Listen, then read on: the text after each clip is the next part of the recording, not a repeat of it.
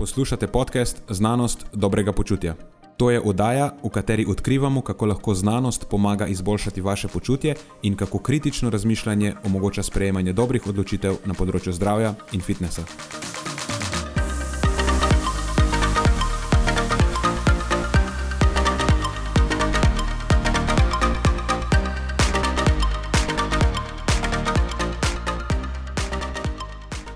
Pozdravljeni, tokrat je na sporedu spet posebna epizoda. Z vami smo Nenad in moja sovoditelja Matjaš in Marijo.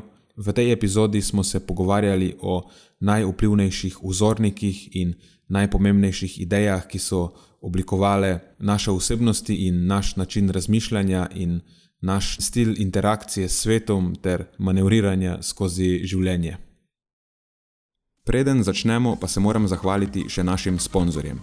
Zaenkrat to še vedno ni velika korporacija, temveč zvesti poslušalci, ki nam izkazujete zaupanje in podporo s prijavo v našo člansko skupino Znanost dobrega počutja.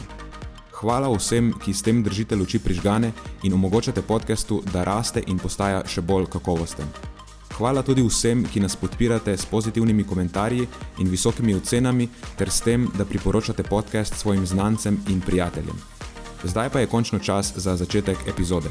Uživajte ob poslušanju.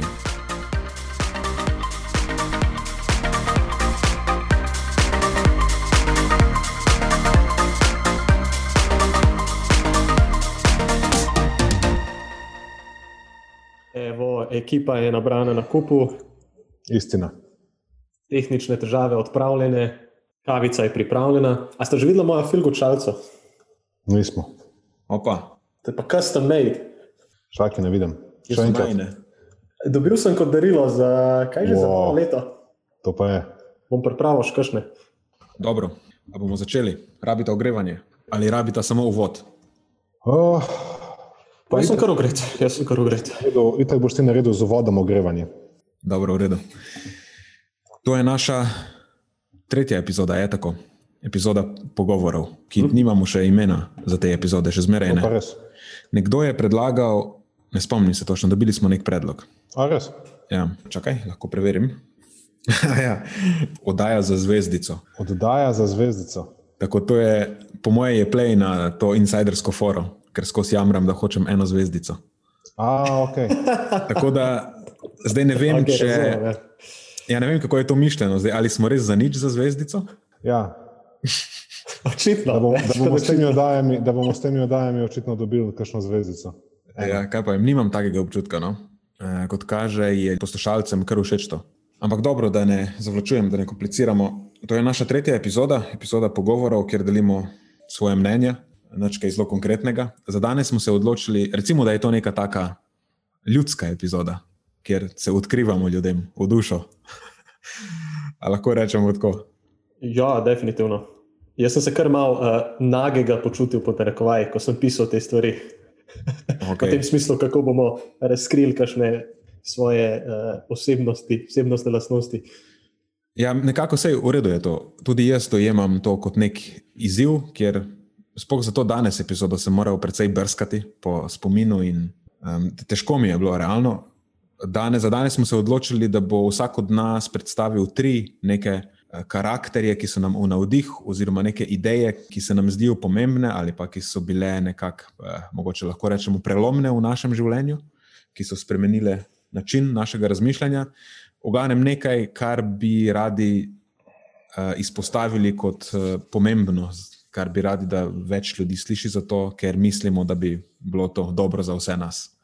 Tako da odločili smo se za tri, ker imamo omejen čas in če, recimo, če za vsakega porabimo dobrih par minut, pa je to devet stvari, se zelo hitro potem nabere zadeva.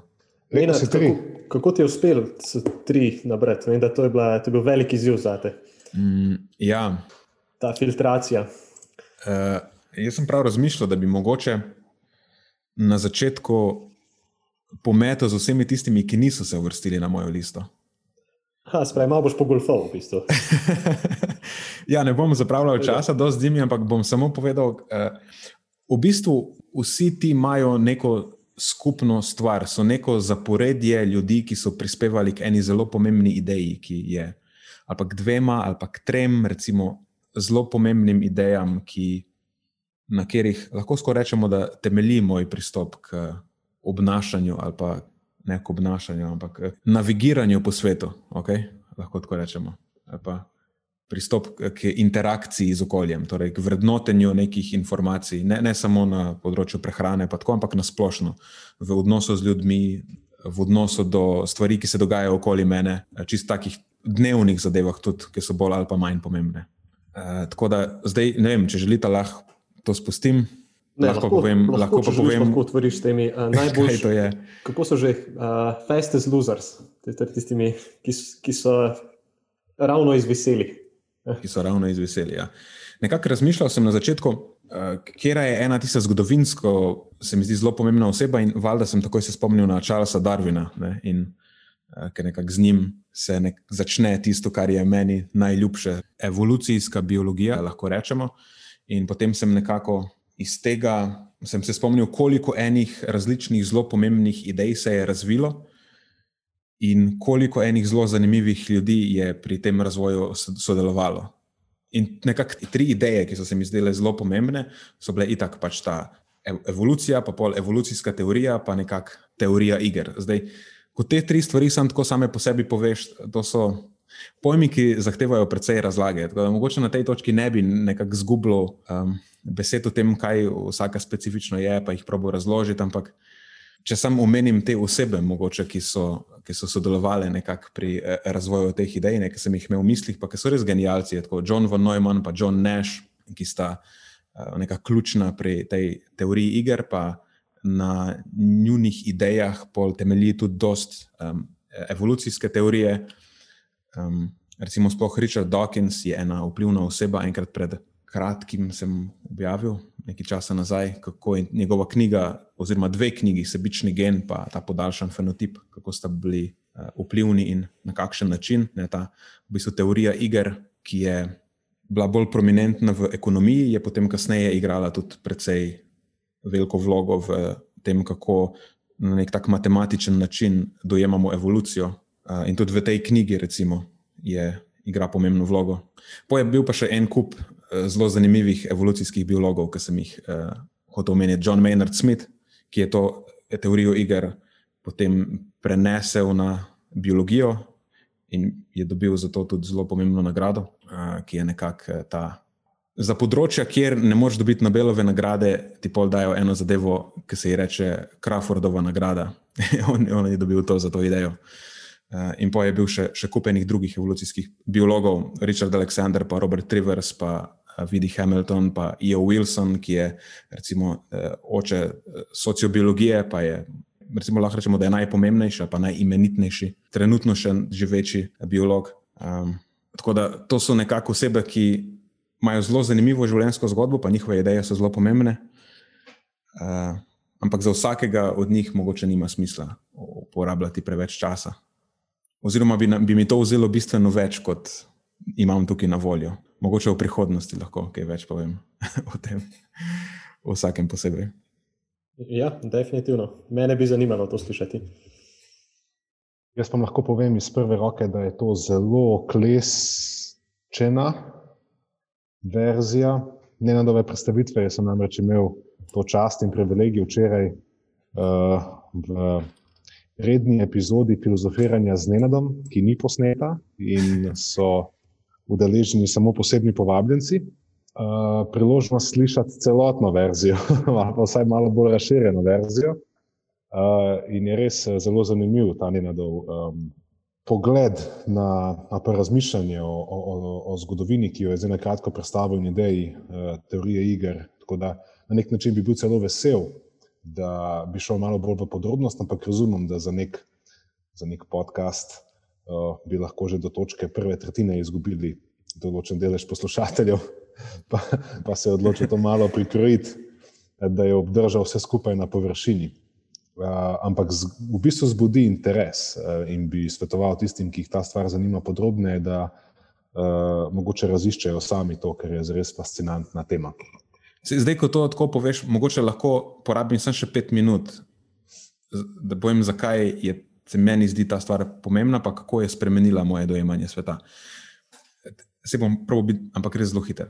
Teorija iger, ki to si zdaj mogoče kdo predstavlja, da so to neke igrice, ki se jih ljudje igrajo, ki so zelo nepomembne. Ampak v bistvu gre za zelo, zelo vplivno idejo. Ne. To je ena eh, veja uporabne matematike, eh, ki poskuša na matematičen način zajeti eh, vedenje nekih posameznikov ali pa recimo razplet dogodkov v nekih strateških situacijah, ne, v katerih je, če govorimo o ljudeh, pač uspeh posameznikovih izbir, odvisen tudi od, od izbir drugih ljudi ali pa od, od nekih stvari, na kjer nima vpliva in ne pozna, kako se bodo uh, razvile. Da, teorija igr se ukvarja s tem, da oblikuje nekakšne matematične modele nekih teh strateških interakcij. Med, tukaj je ključna beseda racionalnimi igralci, ki v teh igrah sodelujejo. Ker vse v naravi, ne samo interakcije med ljudmi, lahko razumemo kot neke igre. Ne. Tudi evolucija je v bistvu uh, na nek način igra z nekimi pravili, kjer sodelujejo različne variante genov ali pa organizmov in med sabo tekmujemo. Ne? Tako da to je igra med nekimi različnimi entitetami, zdaj lahko so to posamezniki, lahko so neke skupine, um, organizmi, populacije in tako naprej. Tako ta stvar je ful, ful pomembna na skoraj vseh področjih. V ekonomiji je izjemno vplivna, v biologiji je izjemno vplivna, uh, evolucijska teorija je nekako utemeljena na teh matematičnih zakonih, uporablja se v računalništvu, v mednarodnih odnosih, v vojaški taktiki. Eh, pač vse splošno je zelo, zelo pomembna. Vse povsod, kjer nekdo sprejema neko odločitev in ima pri tem nepopolne informacije, je teorija iger zelo uporabna. In če sam to, kako zelo pomembna je, mislim, da zelo dobro prikaže dejstvo, da do leta 2014, ko je eh, dobil Nobelovo nagrado za ekonomijo en teoretik iger Jean Tirol. Do takrat je Nobelovo nagrado za ekonomijo prejelo še 11 ljudi, ki so se ukvarjali s teorijo iger. Ne? In tudi John Maynard Smith potem je za svojo aplikacijo teorije iger v evolucijsko teorijo dobil to Crawfordovo nagrado, ki je pač neka dopolnitev Nobelove nagrade na, na področjih, ki jih Nobelova nagrada ne pokriva. To so ne, astronomija, pa eh, bioznanosti, pa geoznanosti, pa še neka stvar, ki se je zdaj ne spomnim. In gre se za to, kaj je meni ta stvar dala. Je, teorija iger vse odločitve vrednoti v nekih verjetnostih, naučite razmišljati probabilistično. Se temu reče. Ne? In to je danes ena stvar, ki zelo, zelo manjka. Ljudje črno-belo gledamo na svet. Uh, tudi, ko se odločamo, imamo neko uh, iluzijo, da imamo vse informacije, ne? nikoli nimaš vseh informacij. In vsaka odločitev prinaša neke vrednosti, vsako stališče, ki ga imaš, je stališče, eh, ki je verjetno do neke točke. In če tega ne upoštevaš, lahko sprejemaš slabe odločitve, ponavadi jih, um, ker smo vsi pod vplivom nekih pristranskosti. Eh, plus ta kriza, ki jo imamo danes, v kateri se počutimo tako zelo zmedeni, je kriza tega, da ne znamo razmišljati probabilistično. Ne? Če nam nekdo reče, da je neka stvar 80% verjetnostjo najboljša možna odločitev. Če to ne pomeni, da če se ti tako odločiš v desetih ali pa recimo v petih podobnih situacijah, v eni od teh to najbrž ne bo imelo najboljšega možnega rezultata, oziroma ne bo imelo takšnega rezultata, kot si ga pričakoval. In recimo, čist zdaj, kar je aktualno v tej krizi, ki je vsem nam neznana, eh, neke avtoritete rečejo, da ja, smo zdaj ocenili, da je to s približno 70-odstotno verjetnostjo najboljši možen ukrep. Ampak lahko, da so se zmotili, ker še zmeraj obstaja 30 odstotkov približno možnosti, da nimajo prav. In en tak zelo slikovit primer je v tistih volitvah, ko je zmagal Donald Trump v Ameriki, predsedniških. So, je bil en znan CNN, mislim, da je bil CNN, analitik, ki je napovedal, da ima Hillary Clinton takrat 71, se mi zdi, odstotno možnost, da zmaga volitve in je pač izgubila, ker je imel Donald Trump 29-odstotno možnost. Um, in so rekli, kako slab analitik si ti. Ne? Ampak v bistvu, mislim, ni slab analitik. Problem je, da ljudje niso dobro poslušali ali pa razumeli tega, kar je povedal. Ne? On ni povedal, da bo Hillary Clinton zmagala. On je samo povedal, da ima 71-odstotne možnosti. Še zmeraj je imel drug model, skoraj tretjino možnosti, da zmaga. In evo ga, pač to se je zgodilo. Ne, in teh tretjina možnosti, da se motiš, sploh ni tako neverjetno.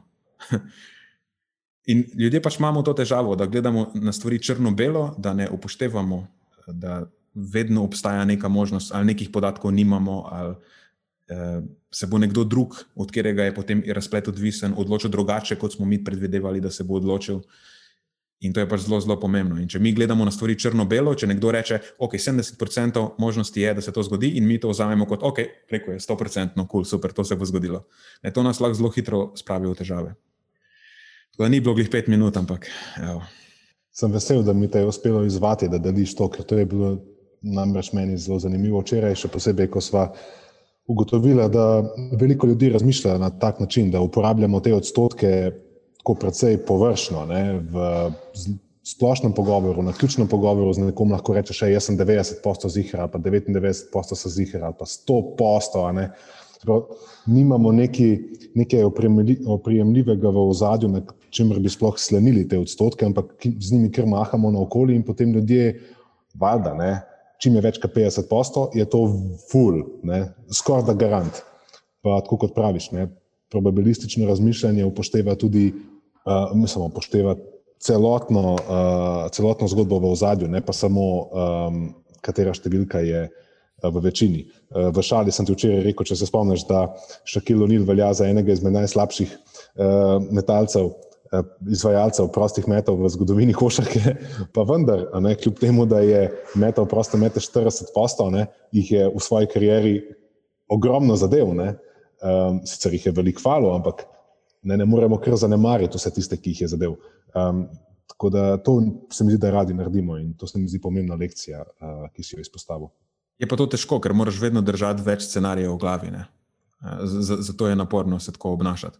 Drugač pa kot zanimivost, ta te, teorija iger zelo pomemben vpliv na razvoj te ideje je imel, imela igra pokerja. Johna von Neumana, ki je nekako eden izmed prvih utemeljiteljev te ideje je poker zelo zanimal. Zdela se mu je popolna mešanica igre, ki je do neke mere nadzorovana, do neke visoke mere, in do neke druge mere nenadzorovana. In je hotel nekako vzpostaviti način, kako lahko narediš poker bolj igro znanja, ne toliko igro sreče. In poker je v bistvu ena izmed iger, ki zelo dobro simulira resnično življenje, se mi zdi oziroma sprejemanje odločitev v resničnem življenju. Pol, se, o tem smo se tudi pogovarjali. Če vprašaš ljudi, kaj je poker, ti bodo rekli, da je igra na srečo ali pa to je igra za denar ali pa nekaj takega. Ampak poker je v bistvu igra sprejemanja dobrih odločitev. In na koncu vedno zmaga tisti v seriji nekih iger. Sej, v eni sami igri bo zmagal tisti, ki ima srečo, ampak v seriji večjih iger bo pa zmagal tisti, ki dosledno sprejema boljše odločitve. Ker ne glede na tvojo srečo, se skozi dolgi rok obrestujejo dobre odločitve. Torej, odločitve, ki temeljijo na verjetnosti, in če ti dosledno sprejmaš tiste odločitve, ki so najboljše, eh, z največjo verjetnostjo, boš zmagal na koncu. Ne, če se vrnemo na tisti primer ameriških volitev. Model je napovedal 70 odstotkov možnosti, da bo Hillary Clinton zmagala. Če bi bilo volitev 100, mislim, to je zdaj karikiran primer, se ne delujejo te stvari v resnici tako, ampak bi ona na 70 zmagala, na 30 pa ne, in na koncu bi bila pač zmagovalec, če bi zadeva delovala tako. tako kot pri metu kovanca. Lahko vržeš petkrat kovanec, ko imaš majhen, majhen vzorec, petih metov. Lej, neka možnost obstaja, sicer ne zelo velika, ampak lahko se zgodi, da bo vseh pet padlo na številko. Recimo, Dočim, če jih vržeš milijonkrat kovanec, bo vsi upam trditi s kar veliko gotovostjo, da bo na koncu pol-pol. In še ena težava, ki jo ljudje imamo, je ta, da obravnavamo majhne vzorce kot velike vzorce. Ne? Da si mislimo, recimo, če bi zdaj mi dva šla staviti uh, nek denar na, na ta met kovancev, ali bo zdaj pol pol ali ne bo pol pol. Um, ali pa sploh, recimo, ko iz enega meta v, v drug met. Ne, če, zdaj, če, so, recimo, če sta zdaj padli dvakrat številki, bi si upal več denarja staviti, da bo naslednjič padla glava, ne, ampak veš, verjetnost nima spomina, ne, naslednjič lahko še spet pade.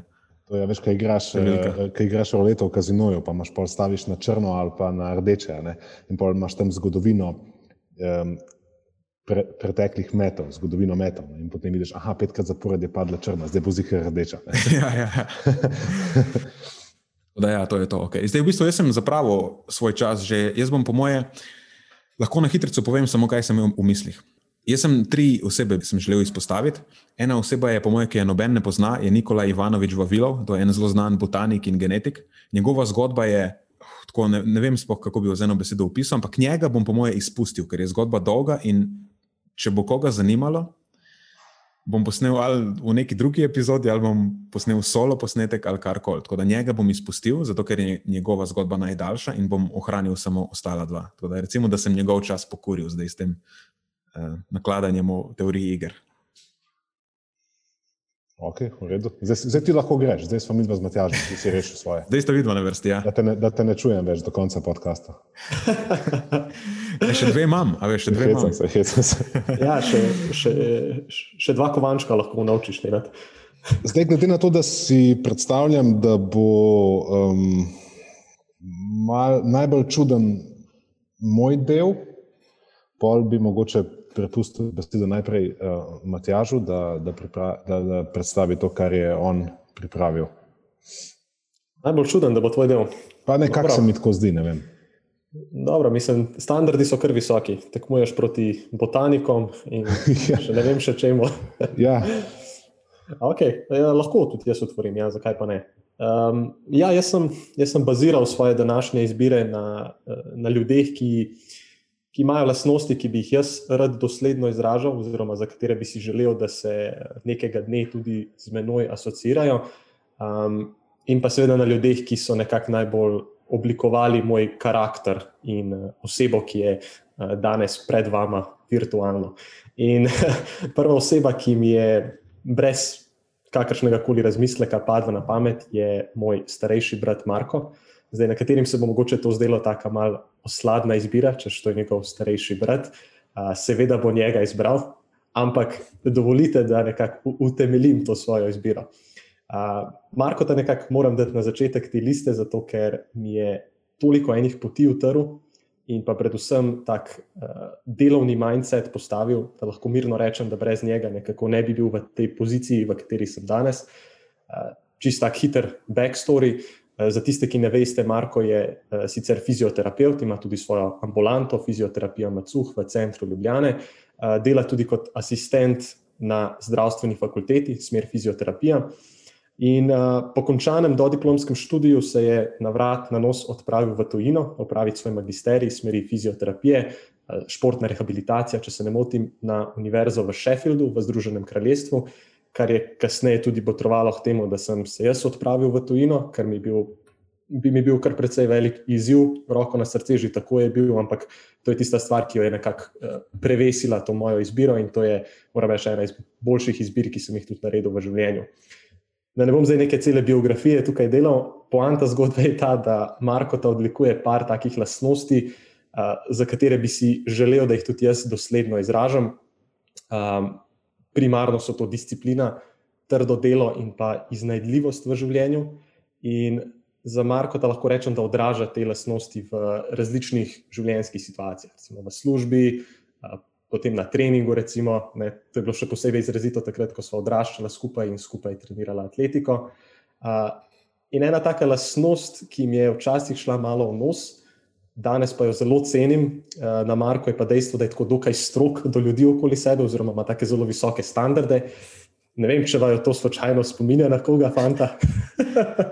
Na Ampak, ne vem, boste sami presodili. Uh, ampak realno gledano je to zato, ker pričakuješ toliko več od sebe. Spet nekaj, kar me ponovno navaja, tudi spominja. In ko sem odraščal, mi ta stvar nekako ni bila ravno najlažja, oziroma se nisva pogosto ujela dobro zaradi tega, ker takrat nisem ravno najbolje razumel. In šele potem, kasneje, ko sem odrasel, sem nekako eh, razumel, odkot pravzaprav izhaja in zakaj, zakaj ima tak mindset. Ne. Zdaj, ne vem, če bi se Marko strinjal z mojo analizo njega in najnega odnosa, ampak ok, se vse, nitek ne posluša podcast, tako da ni problem, da ga lahko malo upravljam tako da, ja, Marko bi bil moja prva izbira na tem naslovu. Jaz sem včeraj slišal, kaj ima Marijo za danes pripravljeno. In je zdaj zelo zanimivo. Nisem, nisem, po mojem, Marijo ni pričakoval eh, tvoje prve izbire. Take. Ne. No, se je super. Jaz sem, bil, jaz sem bil očitno malo skrivnosten pri teh izbirah. Vem, da vidva sta se že malo na skrivaj pogovarjala pred samim začetkom podcasta. Ampak vse v redu. Um, Ja, v bistvu, če bi si vzel malo več časa, da razmislim o Matjažu, um, me to ne preseneča, um, čisto iz enega preprostega razloga, ker je Matjaž um, zelo poseben dečko, da ne rečem čuden, po vseh kriterijih, uh, ki veljajo za, za, za 26-letnike. Ampak to je mišljeno na zelo dober način, to je samo pohvala. Ja, je, na, na zelo dober način je čuden. Ja, se drugače ne bi bil um, ja. del ekipe. Um, tako da, ja, si pa odprl, oziroma naredil otvoritev v to, kar sem jaz želel povedati. Moja priprava na današnji podcast, um, kot vsakič povem, tudi tokrat lahko začnem z zahvalo, um, ne, da sem lahko sploh del, da lahko delim to zgodbo um, in svoje razmišljanja. Ne enem tega kot samoumevno in se mi zdi, da so to kanali, ki so v splošnem, veseli me, da so v porastu, njihova popularnost namreč, se mi zdi pa, da je vrednost Eh, kar precej zanemarjanja. Um, osredotočamo se na tiste quick, uh, instantne, uh, neposredne, praktične in uporabne um, rešitve, ki nam jih lahko nekdo da. Se mi zdi, da če bi še imeli Steva Jobsa med nami, pa bi ga nek programer imel možnost zaslišati, bi mu postavil vprašanje, hej, model, kje je računalnik najboljši. Veš, tako se mi zdi, da smo naštimani danes. Se pa spomnim v svojem času, ko so bili podcasti še zelo redka stvar in prisotna bolj v tujini kot pa v našem jeziku, mi je bilo to zelo zanimivo, kaj ti nudi pogled v način razmišljanja uh, določenega posameznika, ki je tam, kjer bi si jaz recimo želel biti. In danes ponujamo možnost določenim posameznikom, ki so fresh out of college, recimo, ki so novi na tem področju dela, uh, ki tisti, ki so mogoče malo bolj napredni, ne, lahko izkoristijo to, česar mi nismo imeli, in poslušajo, naprimer, ne, kaj ima za povedati, Nenad, kaj imam za povedati v končni fazi jaz in drugi ljudje, ki smo že recimo več kot deset let tu. Ne, in je to res neka taka um, edinstvena možnost. Um, Ki upam, da jo pač izkoristi vedno več ljudi, in jaz sem hvaležen, da, imam, uh, da sem v tej poziciji, ko lahko to uh, kako bi rekel, ne nad uporablja rad angliščino, zdaj pa, ker sem na njegovem podkastu, pa moram tudi jaz uporabljati več angliščine. The tables have turned, recimo, zdaj sem jaz v poziciji, ko lahko podam nek, neko zrno, neke modrosti. No, jaz sem razmišljal o tem, kako dojemamo idole, kako dojemamo vzornike, ko vprašaš, ne vem, um, na ključne ljudi o tem, kdo je tvoj vzornik, ponavadi slišimo na določenih področji dela vplivneže, ki so spremenili to področje v preteklosti, v zgodovini. Matjaž je danes, ko smo imeli možnost še pred podkastom se pogovarjati malo o menu in zanimivo stvar, ljudje izpostavljajo neke posameznike iz zgodovine, o katerih vedo relativno malo, oziroma informacije o njih so bolj kot ne izbrane in jih zelo radi poveličujemo. Pač moj idol je Michael Jordan, Matjaž rekel, Nikolaj Kopernik. Neke take osebnosti, ki, katerih imena so sicer res zelo znane in zgodbe so navdušujoče, um, ampak v bistvu jih zares ne poznamo. Uh, in uh, moj uvid je bil um, sledeč. Ko sem bil mlajši, sem se začel bom tako. Jaz, ko sem bil mlajši, nisem imel vzornikov. V svojem okolju, ko sem odraščal, ko, rad, ko sem želel imeti neko, neko stabilnost, neko moško figuro, neke posameznike, ki bi mi kazali, kako na področju fitnesa in um, pač našega področja dela uspet, se nisem imel v bistvu za nekoga za nasloniti. Ni bilo podkastov, ni bilo uh, mentorstva, ni bilo, stvari niso bile tako odprte. Vsak je na nek način skrbel za svoj vrtiček, in konkurenca je bila um, nekaj, česa, kar se je zelo spoštovalo. Danes so te meje precej bolj zamegljene. In sem se res oziral po um, smernice, čez lužo. Um, recimo Luka Hočever je bil tak primer. Um, da ne naštevam imen, ki sem jih spremljal, pogosto krat so bili to, to tudi kakšni takšni, ki so se kasneje izkazali, da kvasijo neumnosti oziroma so precej uh, pristranski um, do, do, do ne, vsebin, ki jih podajajo, pa ne bi o tem zgubili besed. To, kar sem, to, na kar je nenad napeljal in to, kar sem želel predstaviti, je, da sem še kratek čas, preden sem njena, da um, preden sem se z njeno začela družiti, um, začel razmišljati o tem, kako v bistvu prilagoditi okolje na tak način, da te podpira na tvoji poti, če veš, kam hočeš iti. Spomnim se besed enega posameznika, lahko ga imenujem po, uh, lahko ga poimenujem, ne vem, mogoče ne bo me našproti, se nima nobenih stikov, poznava se še iz daljne preteklosti. To je bil, um, mislim, da prvi lastnik Sport Club Fitnessa, ki ne vem, če obratuje še uh, na fakulteti za šport, to je bil Tadej Majerle. Nekoč sem ga spomnil, se ga spomnim, da je rekel, veš, na enem izmed sestankov, ko sem jaz takrat še tam delal kot savna mojster. Jaz sem v eni stvari bil dober. Nisem genijalen, ampak v eni stvari sem bil pa dober in to je to, da sem se v svojem življenju in na svoji poslovni poti obdal z ljudmi, ki so boljši od mene na svojih področjih. In to se mi je zdelo v tistem trenutku, ko sem bil star 18 let in pometu uh, uh, okolico bazena v savni, uh, genialno. Um, in sem razmišljal, nekako v tistem trenutku nisem bil zrel za to misel, ampak kasneje me je kot bumerang zadela in o tem sva se z njim včeraj pogovarjala. Naredil sem eno spremembo v oziranju po idealih in vzornikih um, daleč stran, v knjigah in v dokumentarnih filmih in v velikih idejah, grandioznih gestah. Ne? Uh, in sem um, na nek način poiskal ali pa posvetil več pozornosti ljudem, ki so v mojem življenju. To je zdaj prelomna točka tega mojega monologa.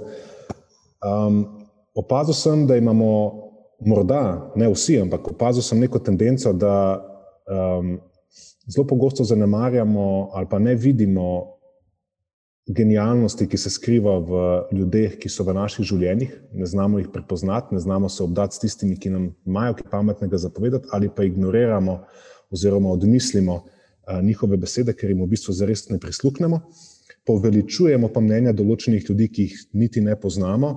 Um, pa se mi je to zdelo na neki točki mogoče problematično, in sem potem se odločil, da okay, ne bom kupoval več novih knjig, uh, ne bom več bral velikih zgodb, ampak bom poskušal razbrati, kaj me lahko naučijo ljudje, ki so v mojem najožjem krogu. Jaz nisem zbral tri ljudi, ne nad mi je dal navodilo, da izberem tri ljudi, izbral sem jih sedem. Moje čarobno število, številka, ki sem jo nosil vrsto let na dresu, ko sem bil še košarkar. Pa kljub temu bom predstavil vseh sedem. Zakaj? Zato, ker bom šel hitro čez njih. Ne bo mi vzelo več časa kot Nenado in Matjažu. Zakaj? Zato, ker, je, ker sta dva od teh oseb že kar del tega podcasta in sta del te ekipe, del te ideje, ki sem jo nekako zvizualiziral desetletje nazaj in še več, z nekim posebnim namenom. Um, Nenad je, Nenad, da sem videl že koliko let. Videla sem se spoznala, moje 2016. 2016, ok. Ja. Jaz, če se spomnite epizode, ko smo govorili o napakah moje preteklosti, naše preteklosti, sem opazil, da obstaja neka verjetnost, da delam in da, bom, da sem naredil in da bom delal napake, da imam luknje v razmišljanju in da nisem nezmotljiv. Nenad ima briljanten um in izjemno nabrito sposobnost kritičnega razmišljanja. In sem vedel, da je to nekdo, ki bo mene lahko čekiral v smislu, da bo deloval kot neka varovalka pred tem, da tudi v prihodnosti postanem gimp. Upam, da ste razumeli, kaj sem ne, želel s tem povedati. Da bom šel. Sem rekel, to je odličen košček sestavljanke, ki lahko meni pomaga. On je, on je Michael Jordan to my people, če se tako izrazim, uh, oziroma obratno. Uh, in, in skupaj bova lahko močnejša in bova lahko čekirala na nek način drug drugega. In izkazalo se je, da sem imel prav. Um, potem je tu, pa ga bom nekaj hvalil. Potem ja, je to, prosim, ker sem. Potem je tu, ja, on tega ful ne mara. Ker, uh, potem, je, potem je prišel tako iz letališča v našo pisarno, takrat Matjaš, vsaj tako se mi je zdelo, ker je ne, glih magistriral v Angliji in potem evo, evo ti njega. Um, in pri Matjažu sem dobil feeling, da bi v bistvu on zares mogel biti doktor Filgud. Ker doktor Filgud, za tiste, ki ne veste, je vsa ta leta moj vzdevek. Pa ne bi o tem, odkje je ta vzdevek. Ampak po Matjaževem karakterju sem opazil, da pa je on nekdo, ki je lahko proti utež moji občasni nečimrnosti, introvertiranosti, neke odtujenosti. Ker ti tisto, kar me je on naučil, je, da kljub temu, da nimaš dober dan, kljub temu, da si, a smem reči, na drka, ne, ne vem, ali boš to, da upip. Lahko, komu rečeš. Lahko, ok. Da, da vseeno ne rabim dovoliti, da to vpliva na interakcije z ljudmi, ker jaz nisem glih nek ljudski človek, to je na nek način moj alter ego, jaz se spravim v ta mod, ne spravim se v ta Dr. Feel Good mode, v, ne, v to nastavitev. In, ampak večino časa v privatnem okolju nisem tak. No, Matjaš, ne, je tukaj drugačen od mene. In ko delava skupaj, ko se pogovarjava, vidim, da postanem bolj ljudski, boljši človek, bolj namejan, bolj igriv. Lahko bi človek rekel, da imam celo smisel za humor. Tako da, tako da tukaj, tukaj sem spet na nek način, na mesto, da bi se oziral ne, stran v daljave, um, se odločil, da se bom učil od njega in izpopolnil ta del moje osebnosti. Potem je tu že odnegdaj in od, ne, celo moje življenje z mano moja sestra, ki me je še, ko sem bil mehen, v tistem okolju, da ne zgubljam spet ne, preveč besed, pa da bom preveč intimen, moje okolje odraščanja ni bilo ravno najbolj ne, by the book, in sem bil pod različnimi čudnimi um, vplivi, neprimernimi vplivi, tako da bi se lahko moja, moja pot odvila tudi drugače. Uh, je bila na nek način moja stabilnost, nekaj, na kar sem se lahko tudi v najbolj turbulentnih časih naslonil in mi je dala vedeti, kakšen je v bistvu zares pomen tega koliko v bistvu ljudje to potrebujemo. Da imamo neke stebre v svojem življenju, ki so tam kot neke nosilne stene v našem stanovanju. Ko je potres, se tja skriješ. In se mi zdi, da to ljudje potrebujemo. Istočasno sem skozi njene oči spoznal, kakšen, um, koliko smo lahko tipi za res seronje, kako lahko žensko prizadenemo in kako se ne zavedamo, kakšen vpliv to lahko ima na, na, njihovo, um, na njih. Kaj ti seveda, jaz sem bil poleg kot mehen brat in sem videl pač skozi njene zgodovino njenih vez, da stvari, ki so za nas mogoče čist, ne, um, neka ravnanja, ki so za nas mogoče čist normalna, naravna, imajo lahko precej boleče posledice na, na neke odnose med moškim in žensko. Pa da ne zabredam v to smer. Ampak videl sem skozi njeno zgodbo, kakšen partner bi nekoč želel biti. Ne nisem imel drugega vzornika, nisem imel nekega vzora uspešne partnerske zveze v svojem življenju. Potem je prišla moja punca, kasneje, ki me je v bistvu naučila, kako se v partnerskem odnosu izkaže ljubezen. Ker ni dovolj, da imaš nekoga rad, mislim, da tudi ni dovolj nujno, da mu to poveš, treba mu je pokazati na način, ki ga on razume, na način, ki ne izhaja iz tebe. In mislim, da je lahko partnerska zveza izjemna šola ene, enih, eh, eh, enih eh, sklepanja kompromisov, medsebnega razumevanja, ki se lahko prenese na različna področja življenja in dela, in zato sem in ni bom večno hvaležen. Istočasno pa lahko rečem, da sem tudi ponosen na sebe, da sem ne, bil pripravljen, um, ker se veš, ne, v, življenje je ponavadi tako, da se mi zdi, vsaj to je moj del filozofije, da se ljudje v bistvu zares ne spreminjamo. Mislim, da se prilagajamo, če ugotovimo, da je cilj tega vreden. In če damo ta motiv v ozadju naših prilagoditev stran, se mi zdi, da potem večino časa se vrnemo nazaj na točko, od kjer smo štartali. Upam, da sem to jasno predstavil. Uh mhm. -huh. In recimo v tem primeru je bila Maja nekdo, za katerega sem se bil pripravljen prilagoditi. In mi je pokazala, pač, oziroma mi je dala vedeti, kakšno moč to lahko ima. Potem je bil tudi Dejan, eh, oziroma od moje sestre, eh, moj svak, lahko rečem tako, ki mi je v bistvu skozi vsa ta leta, ko sem še košarko igral, um, pokazal, kaj pomeni biti prijatelj, v bistvu, ne? ker jaz spet nekih prijateljev v svojem življenju nisem imel, vsaj stabilnih ne, zelo pogosto so prihajali in odhajali.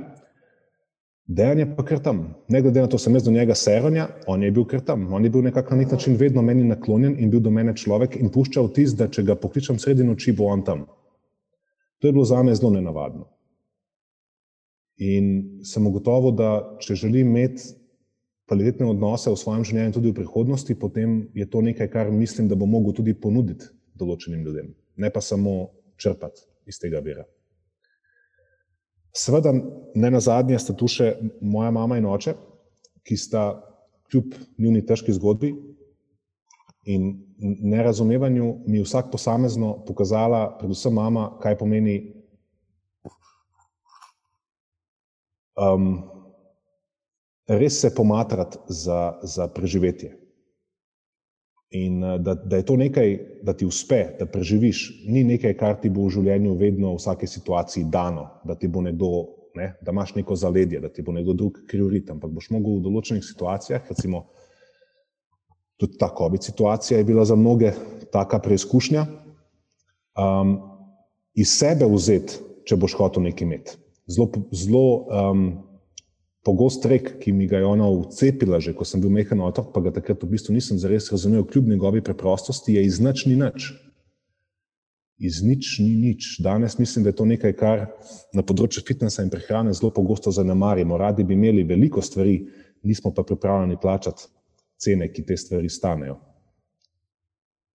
Moj oče je bil pa zelo tih posameznik, go figure, um, ampak je pa mi pokazal, kako, pomemb, kako se je potrebno za pomembne stvari v, v, v, v življenju, da jih ni veliko, ampak koliko žrtvovanja je včasih potrebno, da jih dosežeš, in koliko grejo ljudem v bistvu na živce, če se v pričo njih pretirano pritožuješ. Tako da pritoževanje je bilo nekaj, kar je bilo pri nas tako zero, pol, pol, zero tolerance policy.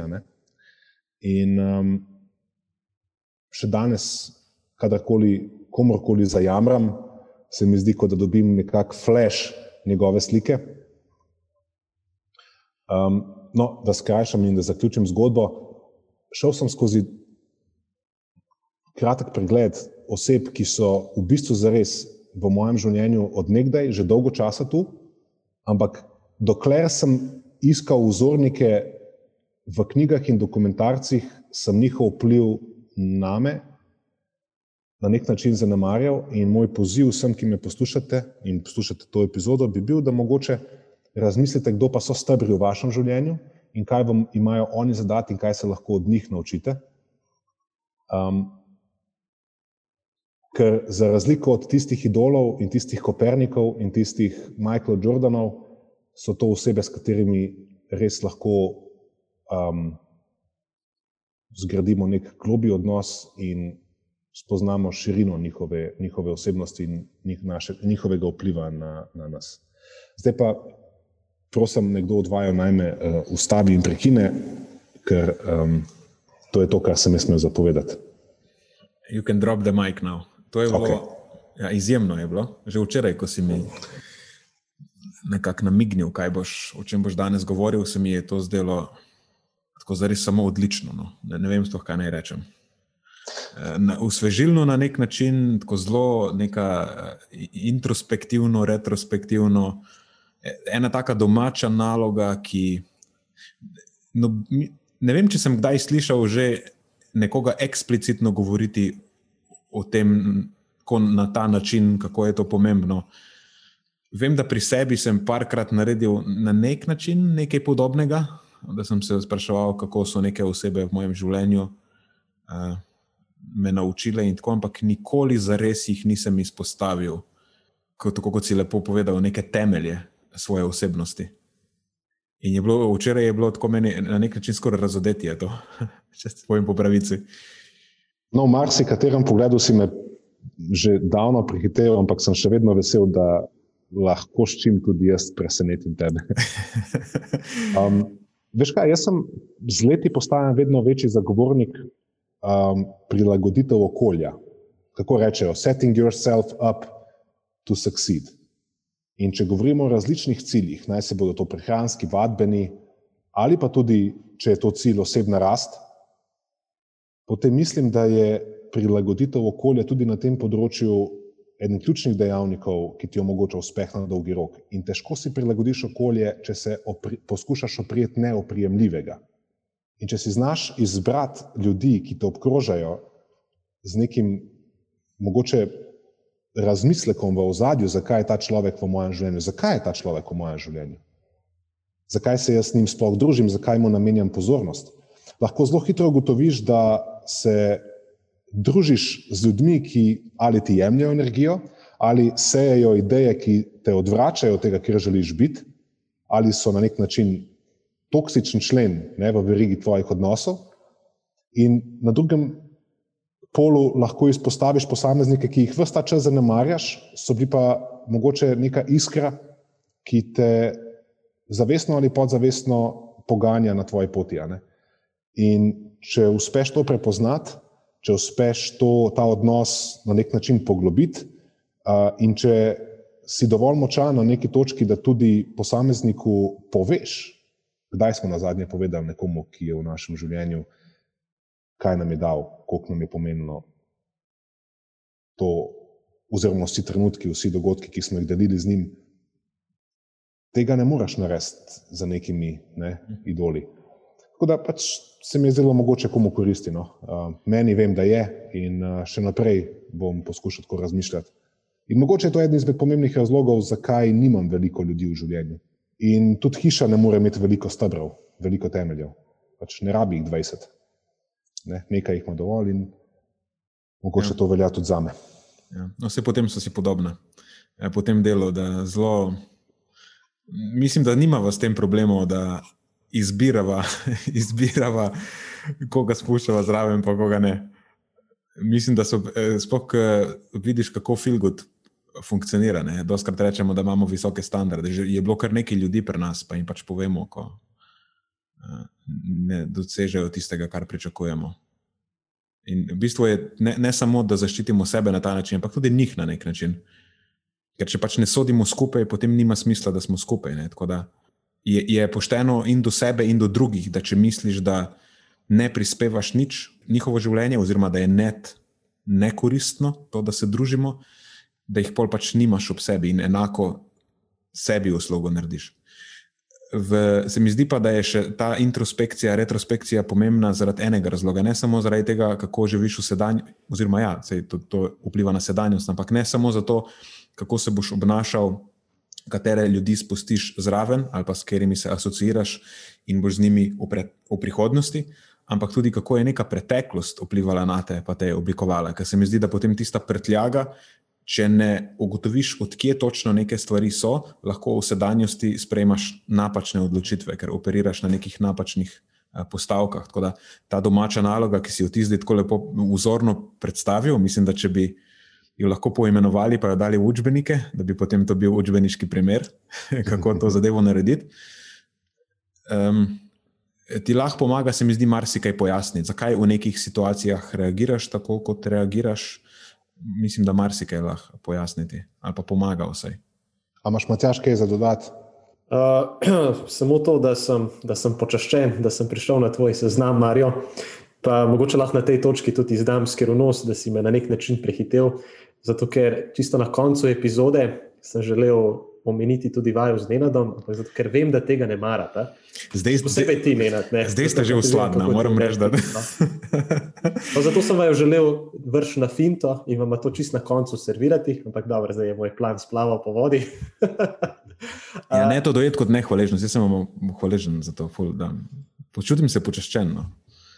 Tudi jaz. Sam ful mi je neprijetno.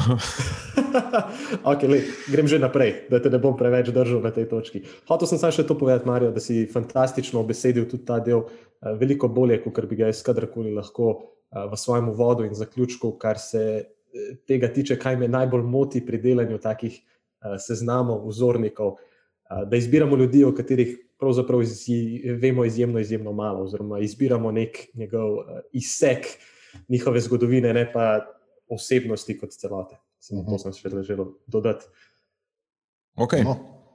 Okay, zdaj pa jaz mislim, Nenad, da, si, da bi lahko ti nadaljeval. Vidno ste zdaj v bistvu ste se. Eh, Zdaj moj del zgleda ful slabo, jaz imam ljudi, ki jih ne poznam, veš, varianta. ne, ne veš, zakaj, veš, zakaj to ne pije vode v tvojem primeru? Zato, ker vem, da si ti svojo domačo nalogo opravil. Ti nisi šel samo na Wikipedijo, pa si prebral en, en par povedi o tej osebi, ti dejansko nekaj poglobljenega veš. Mi dva smo se včeraj, včeraj smo se z Marijom točno o tem pogovarjala in uh, so tudi prišla do, ugotovila sva, zakaj sem jaz imel težavo izpostaviti eno osebo. Um, zato, ker realno no, ne vem, če lahko rečem nobena, ampak no, te tri, ki sem si jih odločil izpostaviti, bi lahko rekli, da so vzorniki, ker jih nisem izbral. Izbral sem jih ne samo zaradi idej, ki so jih prinesli, ampak tudi zaradi njihovih karakternih lastnosti, ki so jih demonstrirali skozi neke uh, različne situacije. Ampak v glavnem, v bistvu nisem zbiral oseb, ampak sem zbiral pomembne ideje. Vsaj tako se mi zdi. Oziroma, zbiral sem neke vrednote, ki se mi zdijo pomembne. Uh, Tako, zdaj, dve osebi, ki sta še ostali, sta uh, Karl Popper, ki je znan, rečemo, avstrijsko-britanski uh, psiholog ali pa filozof znanosti, potem je bolj znan. Pa mogoče lahko njega najprej predstavim. Mhm. Oziroma, zakaj? V bistvu bom predstavil njegovo idejo, uh, ne njega kot osebo, ker uh, vse v njemu, kot v sami osebi, niti ne vemo veliko, vemo pa precej o njegovih idejah, pač skozi njegova dela. Zakaj je on, se meni zdi, oziroma njegova ideja najbolj pomembna, ker nas je na, skozi njegova dela nas je naučil o tem, kaj znanje sploh dejansko pomeni, beseda znanje, kako si jo lahko razlagamo, kako do tega znanja pridemo, kako ga testiramo in kako potem s tem uh, se postopoma približujemo neki resnici. Ne? In, uh, Tudi nam je predstavil, da te resnice najbrž ne bomo nikoli popolnoma dosegli. In se mi zdi, da se to zelo dobro uh, vklopi s tem probabilističnim pogledom na svet. In mislim, da za Karla Popperja lahko rečemo, da je uh, oče sodobne znanstvene metode, mogoče, ali pa ajde, mogoče s tem malo pretiravam. Uh, so pa definitivno njegova dela izluščila ali pa najbolj predstavljajo to prepričanje, da je neko hipotezo ali pa neko predpostavko, neko mnenje, v bistvu, da ga ne moremo nikoli zagotovo dokazati, lahko pa to zadevo nekako probamo ovreči. Ne? Dejansko lahko ugotavljamo samo, ker, pri katerih stvarih se motimo, nikoli ne moremo ugotoviti, kaj imamo prav. In to za njega pomeni, da je nekaj znanstveno, ko ti probaš dokazati neko predpostavko na robe. In iz tega izhaja, da je znanstvena predpostavka lahko edino tista, ki jo je moč ovreči. Če postaviš ti neko predpostavko, ki je ni mogoče testirati, potem to ne more biti znanstvena predpostavka. En tak znan primer tega je vera v Boga. Zato je to vera, ne, ne more biti znanstvena hipoteza, ker tega ni moč dokazati, da ne drži. Ne? Kako boš dokazal, da Bog ne obstaja? Um, ta ideja je tista, ki je nekako omogočila, da se postavi zelo konkretna ločnica med tem, kaj je znanost in kaj je pseudoznanost. Um, in tudi pri tem je problem pristranskosti. Ker imaš ljudi, ki se lotijo raziskovanja nekega področja, to pomeni, da so oni že ponavadi zainteresirani za to področje, ne? imajo že neka predhodna prepričanja na tem področju. In potem ponavadi zbirajo metode za raziskovanje teh, tega področja, eh, ki služijo zgolj temu, da poskušajo njihova že obstoječa prepričanja uh, potrditi. In uh, to je v bistvu pseudoznanost. In s takšnimi metodami lahko dokažemo praktično, v bistvu, kar češ. Eventualno tudi obstoj božička. Zelo preprosto je najti dokaz, da božiček obstaja, ali pa nekaj, kar potrjuje to prepričanje. Veš, glej, za božič postavljamo jelke, pa ukrašujemo. Pa v trgovini sem ga videl zadnjič, ker sem ne, ne to leto, prejšnje leto, ki je otrokom delil darila, pa zjutraj, ko sem se zbudil, ko sem bil star šest let, so bila spodaj darila in tako naprej. In dokažeš, v narekovajih, obstoj božička. Bolj pravilno bi bilo najti samo proti dokaz, da ne greš spat takrat, ko je božič in čakaš za vrati in vidiš, da ti pač oče da ne, darilo podelko. In to je nekako znanstven pristop, bi bil eh, k temu. In eh, torej, v bistvu to je potem ta temeljna razlika med znanostjo in pseudoznanostjo. Da znanost poskuša vreči hipoteze, in pa da pseudoznanost eh, pa poskuša dokazati svoje hipoteze. Karl Popper je bil tisti, ki je to dal tako v besede na zelo ekspliciten način. On je živel v času, ko sta bila zelo znana uh, Freud in Einstein in je opazoval lahko razliko pri obema. Ne. Imel je Freuda po eni strani, ki je tako gledal nazaj, eh, delal je neke ne vem, predpostavke v svetu, ki so pač se njemu zdele zanimive in je uporabljal neke pretekle podatke, s katerimi je napovedoval svojo sedanjost. S tem je okoli svoje predpostavke zgradil neko zgodbo, tako da je zbiral samo tiste v narekovajih dokaze, ki so to ki so se s to zgodbo skladali. In po drugi strani potem imaš pa Einsteina, ki je gledal nekako naprej in je poskušal postaviti hipoteze, ki jih je potem z njimi napovedati prihodnost, ki jih je potem tudi testiral in jih poskušal zavrniti, in so se doskrat izkazale za korektne. In to pa je tako arhetipsko, ne ona dva sta dejansko arhetip. Imáš Freuda, ki pooseblja pseudoznanost, in imaš Einsteina, ki pooseblja znanost. In tako je že na začetku uh, povedano, kar je nekako ključno pri tej ideji, je, da edini dober test neke predpostavke, ki jo imaš, je to, da jo poskušaš ovreči. In to ne velja samo, mislim, to ni koristno samo o znanosti, kot jo razumemo, oziroma o raziskovanju, ampak je po moje koristno na splošno o vsakodnevnem življenju. Mislim, da o tem smo že večkrat govorili na tem podkastu, ampak v bistvu vsa prepričanja, ki jih imaš v vsem, če hočeš sprejemati dobre odločitve, je smiselno, da operiraš na ta način. Ne? Če imaš neko predpostavko o nečem, kako prepričan si, da drži, in najboljše je, da jo probaš uvreči, da jo vedno smatraš kot neresnično najprej, ne kot resnično. Um, tako da, aha, kar, še ena zelo pomembna stvar glede Karla Popperja. Uh, Pa tudi to se navezuje na tisto, kar sem že povedal v začetku. Za njega je bila pač znanost stvar verjetnosti in možnosti. Ne? In trenutno znanje lahko uporabimo za napovedovanje prihodnih dogodkov, ki so možni, ampak jih nikoli ne moremo napovedati s 100% gotovostjo. Vedno obstaja neka, neka verjetnost. In eh, pač znanstveno razmišljajoč človek verjame v tisto, ali pa predvideva, da je resnično tisto, kar je najbolj verjetno, glede na trenutno dostopne podatke, in je potem v vsakem trenutku tudi pripravljen spremeniti svoje stališče, če se pojavijo novi ali pa boljši podatki. Um, tako da spet gre nazaj na tisto, da gotovost, neka absolutna gotovost, ni mogoča in najbrž nikoli ne bo obstajala. In še ena zelo pomembna ideja je, da je vera v gotovost to, da verjameš, da lahko nekaj veš z gotovostjo, zapre tvojo glavo. Enkrat, ko nekaj misliš, da veš za 100%, potem se nehaš o tem učiti. In potem na tak način lahko postaneš gimb mislim, da se to zgodi. Enkrat, ko ljudje verjamejo, da nekaj vejo za 100%, eh, potem ponavadi zaidejo. To je sicer samo moje mnenje, ampak eh, temelji na nekem opazovanju sveta.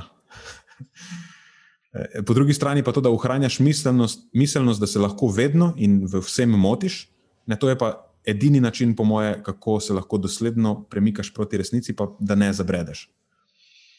To je nekako in nutshell, ta cela njegova ideja. Um, Prej si Matjaš omenil, da sem upravil svojo domačo nalogo ne, in sem bral o teh ljudeh. Moram ti priznati, da Poperjevih del nikoli nisem prebral v kosu. Uh, lotil sem se, sploh njegova logika znanstvenih odkritij je ena izmed njegovih prvih del, pa potem je še, um, ne vem kako je slovenski naslov, Conjectures and Refutations. To, je, to sta v bistvu deli, ki se ukvarjata točno s tem, z filozofijo znanosti, kako vemo, da nekaj vemo, kako pridemo do tega. Um, izjemno težki deli sta za prebrati, niti ne priporočam nikomu, da se tega loti, eh, tako brati v koso, ali pa tudi mogoče, če ima dosti časa. Mislim, da je bolj smiselno nekako njegovo delo slediti skozi interpretacijo eh, večjih drugih ljudi, ki govorijo o teh idejah, ali pa brati njegova dela v kosih, mogoče, eh, ne tako od pletnice do pletnice. Ampak to je samo moje mnenje. Uh, mislim, da je njegove ideje potem tudi razčlenilo dosti ljudi na pa ne vem, če lahko rečem, boljši način. No, obstaja pa še eno delo, ki se mu reče Odprta družba in njeni sovražniki, ki je pa tako politično obarvano delo. Recimo, Popper je bil znan po tem, da so bile njegove ideje pomembne tudi na političnem področju. Mogoče je to celo prevesilo, zakaj sem ga dodal tudi na ta seznam, ker je spet. Njegove ideje niso bile samo omejene na eno zelo tako nišno področje, ki bi lahko rekli znanost, ampak so tako nasplošne filozofske ideje. On je bil, lahko rečemo, goreč, mogoče v narekovajih, zagovornik liberalne demokracije. Zdaj, mogoče v tem delu bodo ljudje dobili razkrite moja politična nagnjenja. to je, jaz se precej skladam v političnih pogledih z Karlom Popperjem. Um, v glavnem, on je bil zelo, govoril je o pomenu liberalne demokracije, o pomenu odprte družbe in bil je pač kritik totalitarnih režimov. Zdaj ne bi na tem, da ne postane to še bolj uh, politično, ampak to njegovo delo je pa vredno prebrati od platnice do platnice. Sploh v trenutni situaciji in glede na to, kako se trenutno zadeve na, na tem eh, družbenem in političnem področju gibajo. Ne, nad ti, ti oprostim, kljub temu, da nisi prebral vseh tistih zahtevnih del do potankosti. ok, Matjaš, uh, si ti na vrsti. Aha, jaz sem na vrsti. Zdaj, jaz mislim, da bo nekdo, mogoče samo zaradi mene, pa zaradi Marija, zdaj preimenoval to epizodo v to osladno epizodo. Ampak zdaj smo že tle, zdaj ne moram iti nazaj.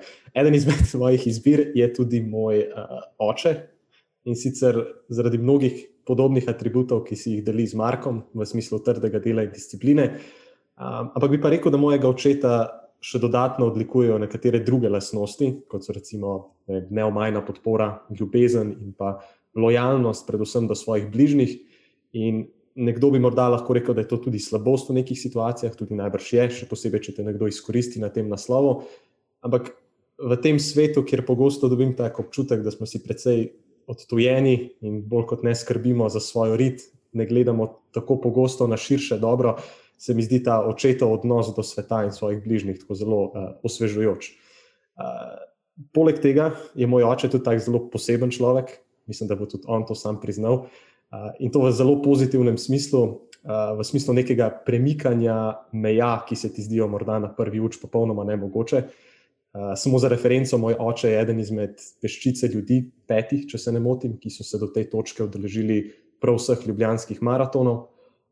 V svoji športni karieri se je udeležil že več kot desetine ultramaratonov, med drugim tudi več kot sedemkrat je bil del svetovno znanega teka okoli Mont Blanca. To je tekma, ki je dolga tam nekje med 100 in več kot 160 km, čisto odvisno od proge oziroma od leta, kjer um, na, eni, na eni tekmi oziroma tekom enega ali dveh dneh doživiš vse letne čase. Od uh, žgoče vročine 35 stopinj Celzija pa tam do snega, uh, ko si na nekih višjih nadmorskih višinah. Uh, tako, Predvsej divje. No? Pa še nekaj takih zanimivih zgodb ima, kot so recimo, da je, za svoj, da je za svoj prvi maraton pri rosnih 18 letih pobegnil iz vojske oziroma iz tistega štaba, kjer so se urili za en dan, zato da se je maratona lahko udeležil, in potem, ko je prišel nazaj, so ga za kratek čas celo zaprli. Tako da zdaj vidite, zakaj sem jaz tako poseben, iz kakšnega okolja izhajam. Uh, tako da, ja, predvsej taka posebna, pa zelo zanimiva osebnost je. Um, in kar me pri očetu mogoče še najbolj navdihuje, pa mislim, da se on tega niti ne zaveda, je to, da uh, precej dobro posebla to uh, vodenje po svojem zgledu. Uh, nikoli me ni silil v preteklosti, da bi delal nekaj, kar je dobro za me, ali pa da probam nekaj, dobrega, nekaj novega, pardon, čeprav še nimam pojma o tem področju.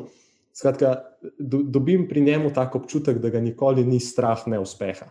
In, in to definitivno lahko spoštujem, in mislim, da se tudi zelo pogosto odraža na meni, vsaj upam, da se.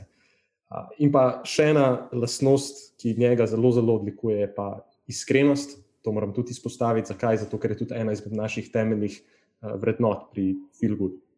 Tako da, ja, oče je moja naslednja izbira. Lepo, pa se moramo njemu zahvaliti. Ja, za nekatere aspekte, definitivno. Ampak maratono se pa vsem ne bom udeležil, se pravi, čujem. Če pa to kdaj oče poslušal, žal, moram zdaj streti srce, tako le online. Da bi bil kakšne nagrade tisti, ki so bili na vseh maratonih? To se mi zdi kar podvikno, realno. Uh, ja, ja, kar, kar um, nekako ponazarja neko doslednost, ne? ker te stvari potekajo že vendarle več kot 20 let. Tako da, da si toliko časa na, dosledno ukvarjaš s tem, je kar velik uspeh. Ne vem pa, če dobijo kaj pretirano več kot kakšen intervju, morda ali pa kakšen video in to je to. Obstaja kakšna hiša slavnih Ljubljanskega maratona? ne še. Meni se to zdi fantastična ideja, tako da če kdo posluša. ok, Marijo. Oh, Marijo je svoje naboje že postreljal. Okay. Mislim, da imaš kakšen komentar. Jaz zdaj radovedno v bistvu poslušal uh, tvoj del in, in um, Matjažov del. Pri tebi mi je bilo že včeraj jasno, da um, nameravaš v bistvu predstavljati ideje, uh, ne toliko posameznike. Posamezniki so bolj um, pač tukaj, along for the ride, ne? tukaj zraven, da na, na njih lahko predstaviš te ideje, kar mi je zelo všeč. In, in te ideje, ki si jih predstavil, so res uh, vredne. Um, Vredne, no, sploh, tako da nimam kaj za dodati. Um, tiste, ki jih seveda zanima to več, boš, sem prepričan, dodal tudi več virov v, v ne, mhm. šovnovce. Uh, pri Matjažu pa kot rečeno, ne, on je pač čuden, tako da tukaj bomo zaključili. Ne, hecam se seveda. Matjaž, Matjaž je seveda um, na nek način um, sledil temu, kar sem želel povedati, in je nekako praktično tudi uh, se ozrl bolj uh, ljudem, ki so oblikovali njegovo osebnost, kar mi je pa zelo zanimivo slišati, uh, odkud mu vse te zna, uh, značajske poteze, ki jih. Um, Ki smo jih vsi mi deležni, tako da sem tudi jaz na nek način potem posredno hvaležen njegovemu bratu in očetu. Ja, Se mi dva smo se, pa spoh se ne navezuje na to epizodo, ampak že, mislim, da so se enkrat že v preteklosti pogovarjali o tem, da nam v bistvu Matjaš obema služi kot uh, nek, se v bistvu lahko rečemo za vzor. Jaz sem prav hvaležen, da ga imamo, ker naj očekira v tem smislu, da on, on meni služi kot vzor, kako ustati na tleh. A veš, kaj mislim reči? Uh mhm. -huh. Jaz se pa skozi mislim, da oh, to bi pa lahko bilo okusno spelo. Kako mm -hmm. bi to mhm. Matjaš naredil? Probaš se malo nacentrirati nazaj, na ostati ostat normalen. Ja, res imaš. Da, res res uh, promaš. Uh, se probam najti besedo, ki je to, pa ni ne, humble, rečejo, pa ni sploh to dobra beseda. Uh, mogoče lahko rečemo, da nam je on služil zgled, kako ne preveč vase zagledana. Ja. Ne vem, če bi bila to prava beseda, ampak ja, kako ne preveč svojega egota hraniti. Hraniti, ja. ja to. Se mi zdi, da je to zelo, zelo, zelo, zelo, zelo koristno, spoh ne morem to zelo dati zraven. Mhm. In te, mogoče iz tega izhajajo tudi ta moja neudobnost, to pohvalo. Ful ne maram, ko me nekdo hvali, ker imam občutek, da preveč, da ni dobro zalivati tega. Se zdaj že meni, že, že meni malo narodno ratuje. Vse bo, boš dobo, evo, vse boš dobo komentarje po ta podcast, ki bojo hitro ščekirali tvojega v nasprotno smer. Odlično. Vrhunska. Se že veselimo. Ja, se že veselimo. Sej, pravim, prosim, dajte to eno zvezdico že končno. Jaz vem, kaj je za me koristno. Okay, lahko zaključim z, z mojo tretjo izbiro. Oziroma, Matjaš ima eno, ampak eh, kar se mene tiče, bom končal. Mhm. Tokrat pa ni neka ideja, pa je tudi je, lahko rečemo, da je ideja, ampak ta tretja oseba pa posebej eno vrednoto, pa en cel kup vrednot. Uh, ta model se meni zdi, da je en, en, en lik iz filma no? in to je Martin Luther King. Uh, on je tako izjemen retorik, pa izjemen vodja. Kako slišiš govoriti, pa kako se obnaša, pa kako se ponaša. Uh, tako, On zahteva od tebe spoštovanje ne? in tudi daje vtis, da je nezlomljiv. In to, sploh v času, ko je, ko je bil on pomemben, je bil to, da je on dajal vtis, da je nezlomljiv, je temu gibanju, se ne rabim uh, razlagati, o čem se gre. Ne? Po mojem, da ne rabiš. No? Mislim, ja. Vemo, v katerem delu zgodovine okay, se pogovarjamo. Je bilo zelo pomembno, da tisti, ki stoji nekako v prvi vrsti, da daje vtis, da je nezlomljiv. Ne? Da, uh, ko bo prišlo slabo, da ladja ne bo potonila, ker pač kapitan ne more biti zlomljen. In mi je to mi en tak eh, zelo, zelo velik navdih. Bi, če, če pride kdaj do nevihte, bi rad bil nekdo, na katerega se lahko ljudje uh, zanesejo. To je en razlog, zakaj, zakaj se mi je zdelo njegov karakter vredno uh, izpostaviti. Druga stvar pa je še ena nadčloveška količina dostojanstva, ki v bistvu njegov lik izžareva. Um, en, en izmed njegovih, eh, ne vem, če se mu lahko reče, sodelavcev ali pa tistim, ki so stali z njim takrat, eh, Harry Belafonte, je v enem izmed dokumentarcev, mislim, da je King in the Wild, to je vreden dokumentarec za pogled o gibanju in o liku Martina Luthera Kinga, rekel, da je Martin rekel, da sovražnika moralno ne moreš premagati tako, da postaneš uh, sovražnik. Ne? Kar v bistvu pomeni, da, da se ne smeš spustiti na nivo tistega, ne nujno osebe, ampak ideje, proti kateri se probaš boriti, da nimaš izgovora, ne? da moraš vedno ustrajati pri tistem, kar misliš, da je prav, in uh, da nimaš izgovora, da, da popuščaš. Um, in še en njegov citat, zanimiv je, da jeza to razžira tvojo dušo in ti škodi. Ne? Da ima vsak pravico, da je jezen ali pa frustriran zaradi okoliščin, v katerih uh, živi. Uh, ampak če se vdajaš jezi ali pa v frustraciji, da si potem že, da si v bistvu avtomatsko na dolgi rok uh, zgubil. Ne? In on je bil skozi skoz to gibanje ves čas zagovornik, ampak tako res goreč zagovornik ne nasilja. Ne. Pod nobenim pogojem ne smemo izpasti jezni, pod nobenim pogojem ne smemo izpasti nasilni. Vedno moramo biti eh, dostojanstveni, tudi ko nas pljuvajo, ko govorijo grdo o nas, ko nas zapirajo v ječe, ko nas tepejo, vedno bomo premišljeni. To se mi zdi tako. To je še ena stvar, ki bi jo rad uh, poosebljal. To je neka vrednota te, te, te premišljenosti, pa pač uh, dostojanstva. Tudi se mi zdi, da če hočeš biti v nekih stvarih vpliven ali pa uh, dati dobro, vplivati na to, da se družba razvija v, v dobro smer, potem pri tem ne moreš popuščati. Um, še ena zanimiva anekdota, mogoče iz enega izmed teh njihovih pohodov. Uh, mislim, da je bil Andrew Young, ki je to povedal. Še eden izmed njegovih sodelavcev uh, je razlagal o tem, kako je na enem izmed teh pohodov neka ženska popljuvala in ga žalila, in ga pač ne, v duhu tistega časa uh, obkladala z vse sorte groznimi imeni. On pa je sem stopil zraven in je rekel: tako, A veste, gospa, vi ste ful preveč lepi, da bi se obnašali tako grdo. in pa je potem ob, ob koncu tega vem, pohoda, dogodka, eh, pristopila k njemu, se mu upravičila in je rekla: pa češ, ne bi smela biti tako nesramna. Ne? Kar tako, ne, meni se zdi, je zelo dobra zgodba. Me zanima, če bi to delovalo danes v današnji družbi. Se, ja, ja. Se, se, to v bistvu sploh nima veze, če bi delovalo ja. ali ne. Samo da si tip osebe, ki to naredi, je. Ja, ja. Pač sam, sam, da si to. Um, Drugač pa na vse, itak ena stvar, ki je pomembna, zakaj je sploh uh, njegovo gibanje se zauzemalo, oziroma on je to takrat v tistem znanem govoru leta 63 v Washingtonu, ne, I have a dream, je povedal. In je spet ena taka klasična liberalna vrednota, da človeka ne sodimo po njegovem poreklu, ne, po njegovi barvi kože, po spolu, po čemerkoli drugem, kar je nespremenljivo, ampak da je edino merilo posameznika njegov karakter. Ne, to je ta temeljna liberalna vrednota. To se mi tudi zdi nekaj, kar je zelo, zelo, zelo pomembno. Um, in bi načeloma naša družba naj bi temeljila na tem. Uh, in takrat je tudi to bila vrednota, ki je bila zapisana v ameriški konstituciji, ampak je pač niso dosledno izvajali. Um, In to je pa še zdaj zadnja stvar, ki jo je on nekako posebljal, pa nekaj, o čemer sem videl v preteklosti že debatirala. On je takrat vedel, da ima prav, okay? ker je bilo tako zapisano.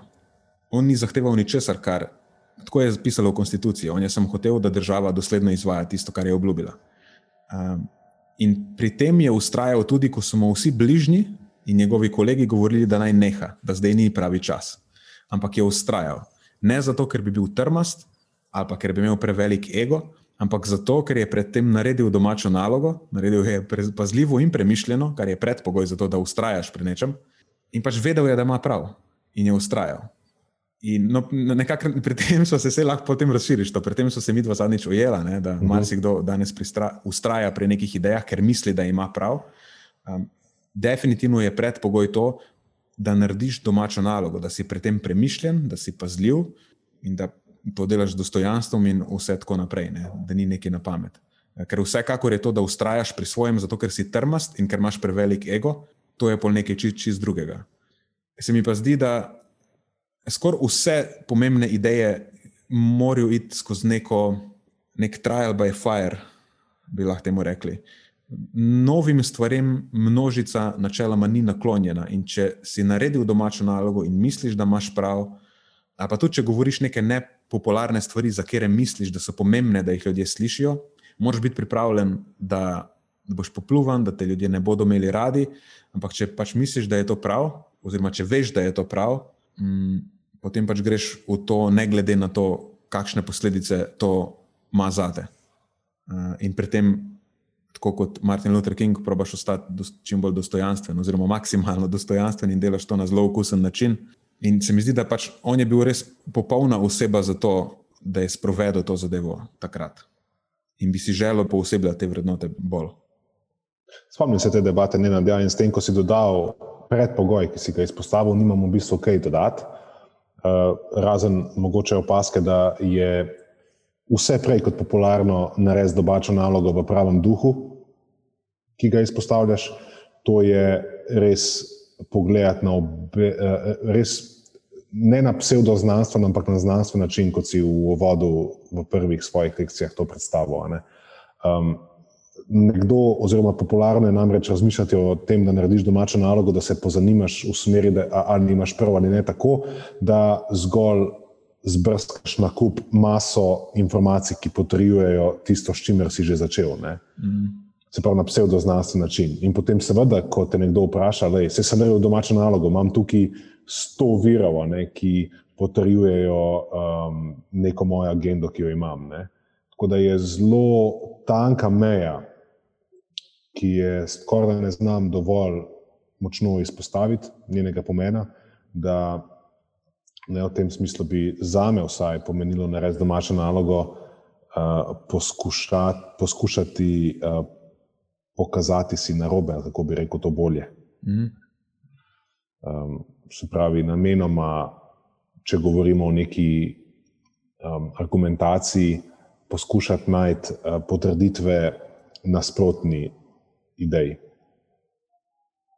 In potem argumente primerjati in se osloniti recimo na neko težo dokazati, kot rekoč.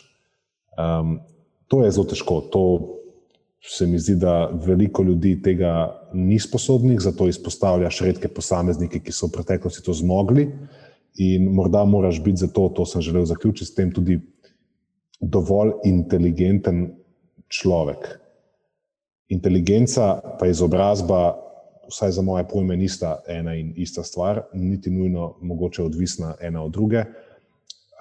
Zasledil sem nekoč neko definicijo, ti boš verjetno vedel, odkot, da je intelekt posameznika, ne, da bi res nekomu lahko rekel, da je pameten, da to pomeni v glavi obdržati dve nasprotujoči si ideji in ob tem še vedno normalno funkcionirati. Ne, oziroma, uh, veš, o čem govorim. Ne. Uh mhm, -huh, ja, mislim, da ne pripisujejo citat Einsteina, sem nisem ziger. Jaz tudi ne vem. Jaz, meni se samo zdi zanimiv, uh, zanimiv citat. Eh, in mislim, da veliko ljudi tega ni sposobnih. Ne bom govoril, da sem jaz, da smo mi kdorkoli. To, to je zahtevno. Zahtevno je um, testirati validnost svojih prepričanj. Mislim, da tudi dosti krat težko to storiš, če si sam, da za to rabiš ljudi, ki jim zaupaš.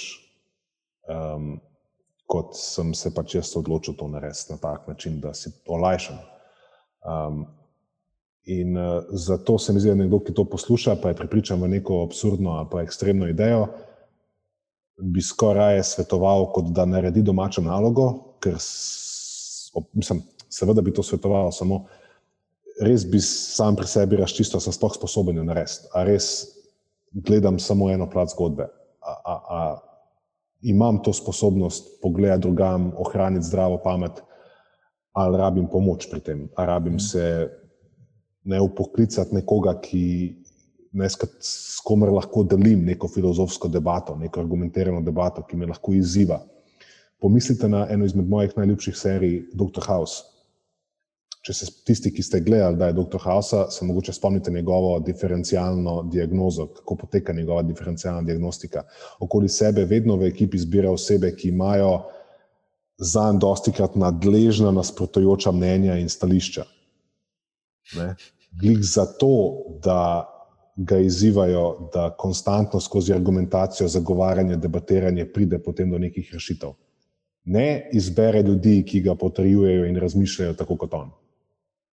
Ne? Spet mogoče zdaj pač uporabuje serijo, da naredi en case. Wow, Ampak to je nekaj, kar sem jaz pri sebi opazil, da bolje funkcioniram tako. Če želim sam sebe čekirati, če želim opraviti domačo nalogo, kot pravi Nenad, potem bi bilo zelo domišljavo z moje strani uh, si uh, predstavljati, da sem pa jaz naslednji Martin Luther, ne, ki, ki, ki ne, ima to neko sposobnost, ampak raje sem na tak način poskušal um, opraviti to domačo nalogo, da sem skozi debate z ljudmi, ki mi kontrirajo, katerih mnenje cenim, um, poskušal potem najti neko boljšo pot v svojem nagovarjanju množice. Tako da, evo moje.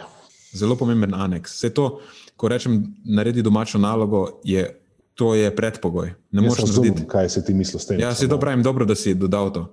Ne moreš narediti domače naloge, če nimaš veščin kritičnega razmišljanja. Enostavno ne moreš, je, ker boš naredil samo še slabše, še bolj boš zašel iz smeri ker to je predpogoj.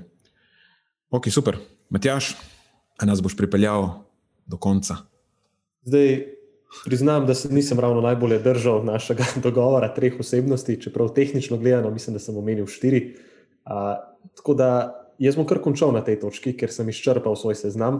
Uh, bi pa rekel, da je to bila ena izmed, vsaj meni, boljših epizod. In res tako odlična misel navaja prav za vsakega, ki to posluša, da poskuša narediti tak seznam, uh, oziroma mogoče še bolje to, kar si ti prej, Marijo, pozval poslušalce, nabor ljudi, ki so na nek način tvoji stebri v življenju, če se lahko tako izrazim.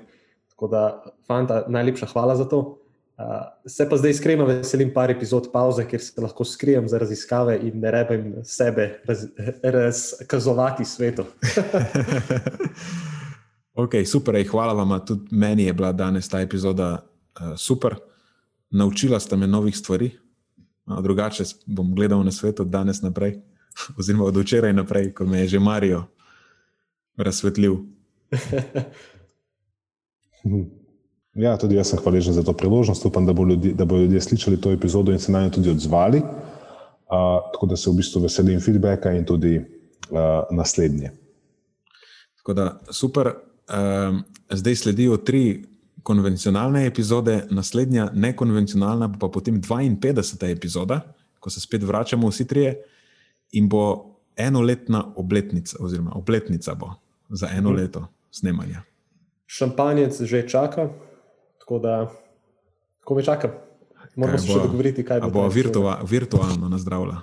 Virtualno nazdravila. Oziroma nazdravili, bo uporabil vsak svoj šampanc. Lahko, še boljš. Več šampanca, boljše. Te pa nam kar eh, razpošli na domu, ok? ok, dobita. Ok, feel good časti. Bomo imeli uh, kot 52. epizodo uh, primerjalni test kvalitete šampancev na slovenskem tržišču. Super, odlično. Ej, uživajte. Hvala poslušalcem za poslušanje in se slišimo prihodnjič. To je za tokrat vse iz naše strani. Hvala, ker ste poslušali do konca. Delite epizodo s svojimi znanci in prijatelji in jo priporočajte dalje, saj s tem omogočite, da sporočilo znanost dobrega počutja doseže čim večjo množico. Hvala vsem, ki nas podpirate s članarino in tudi vsem ostalim, ki delite podcast dalje in nam izkazujete naklonjenost z visokimi ocenami in pozitivnimi komentarji. Se slišimo prihodnjič, do takrat pa ostanite premišljeni.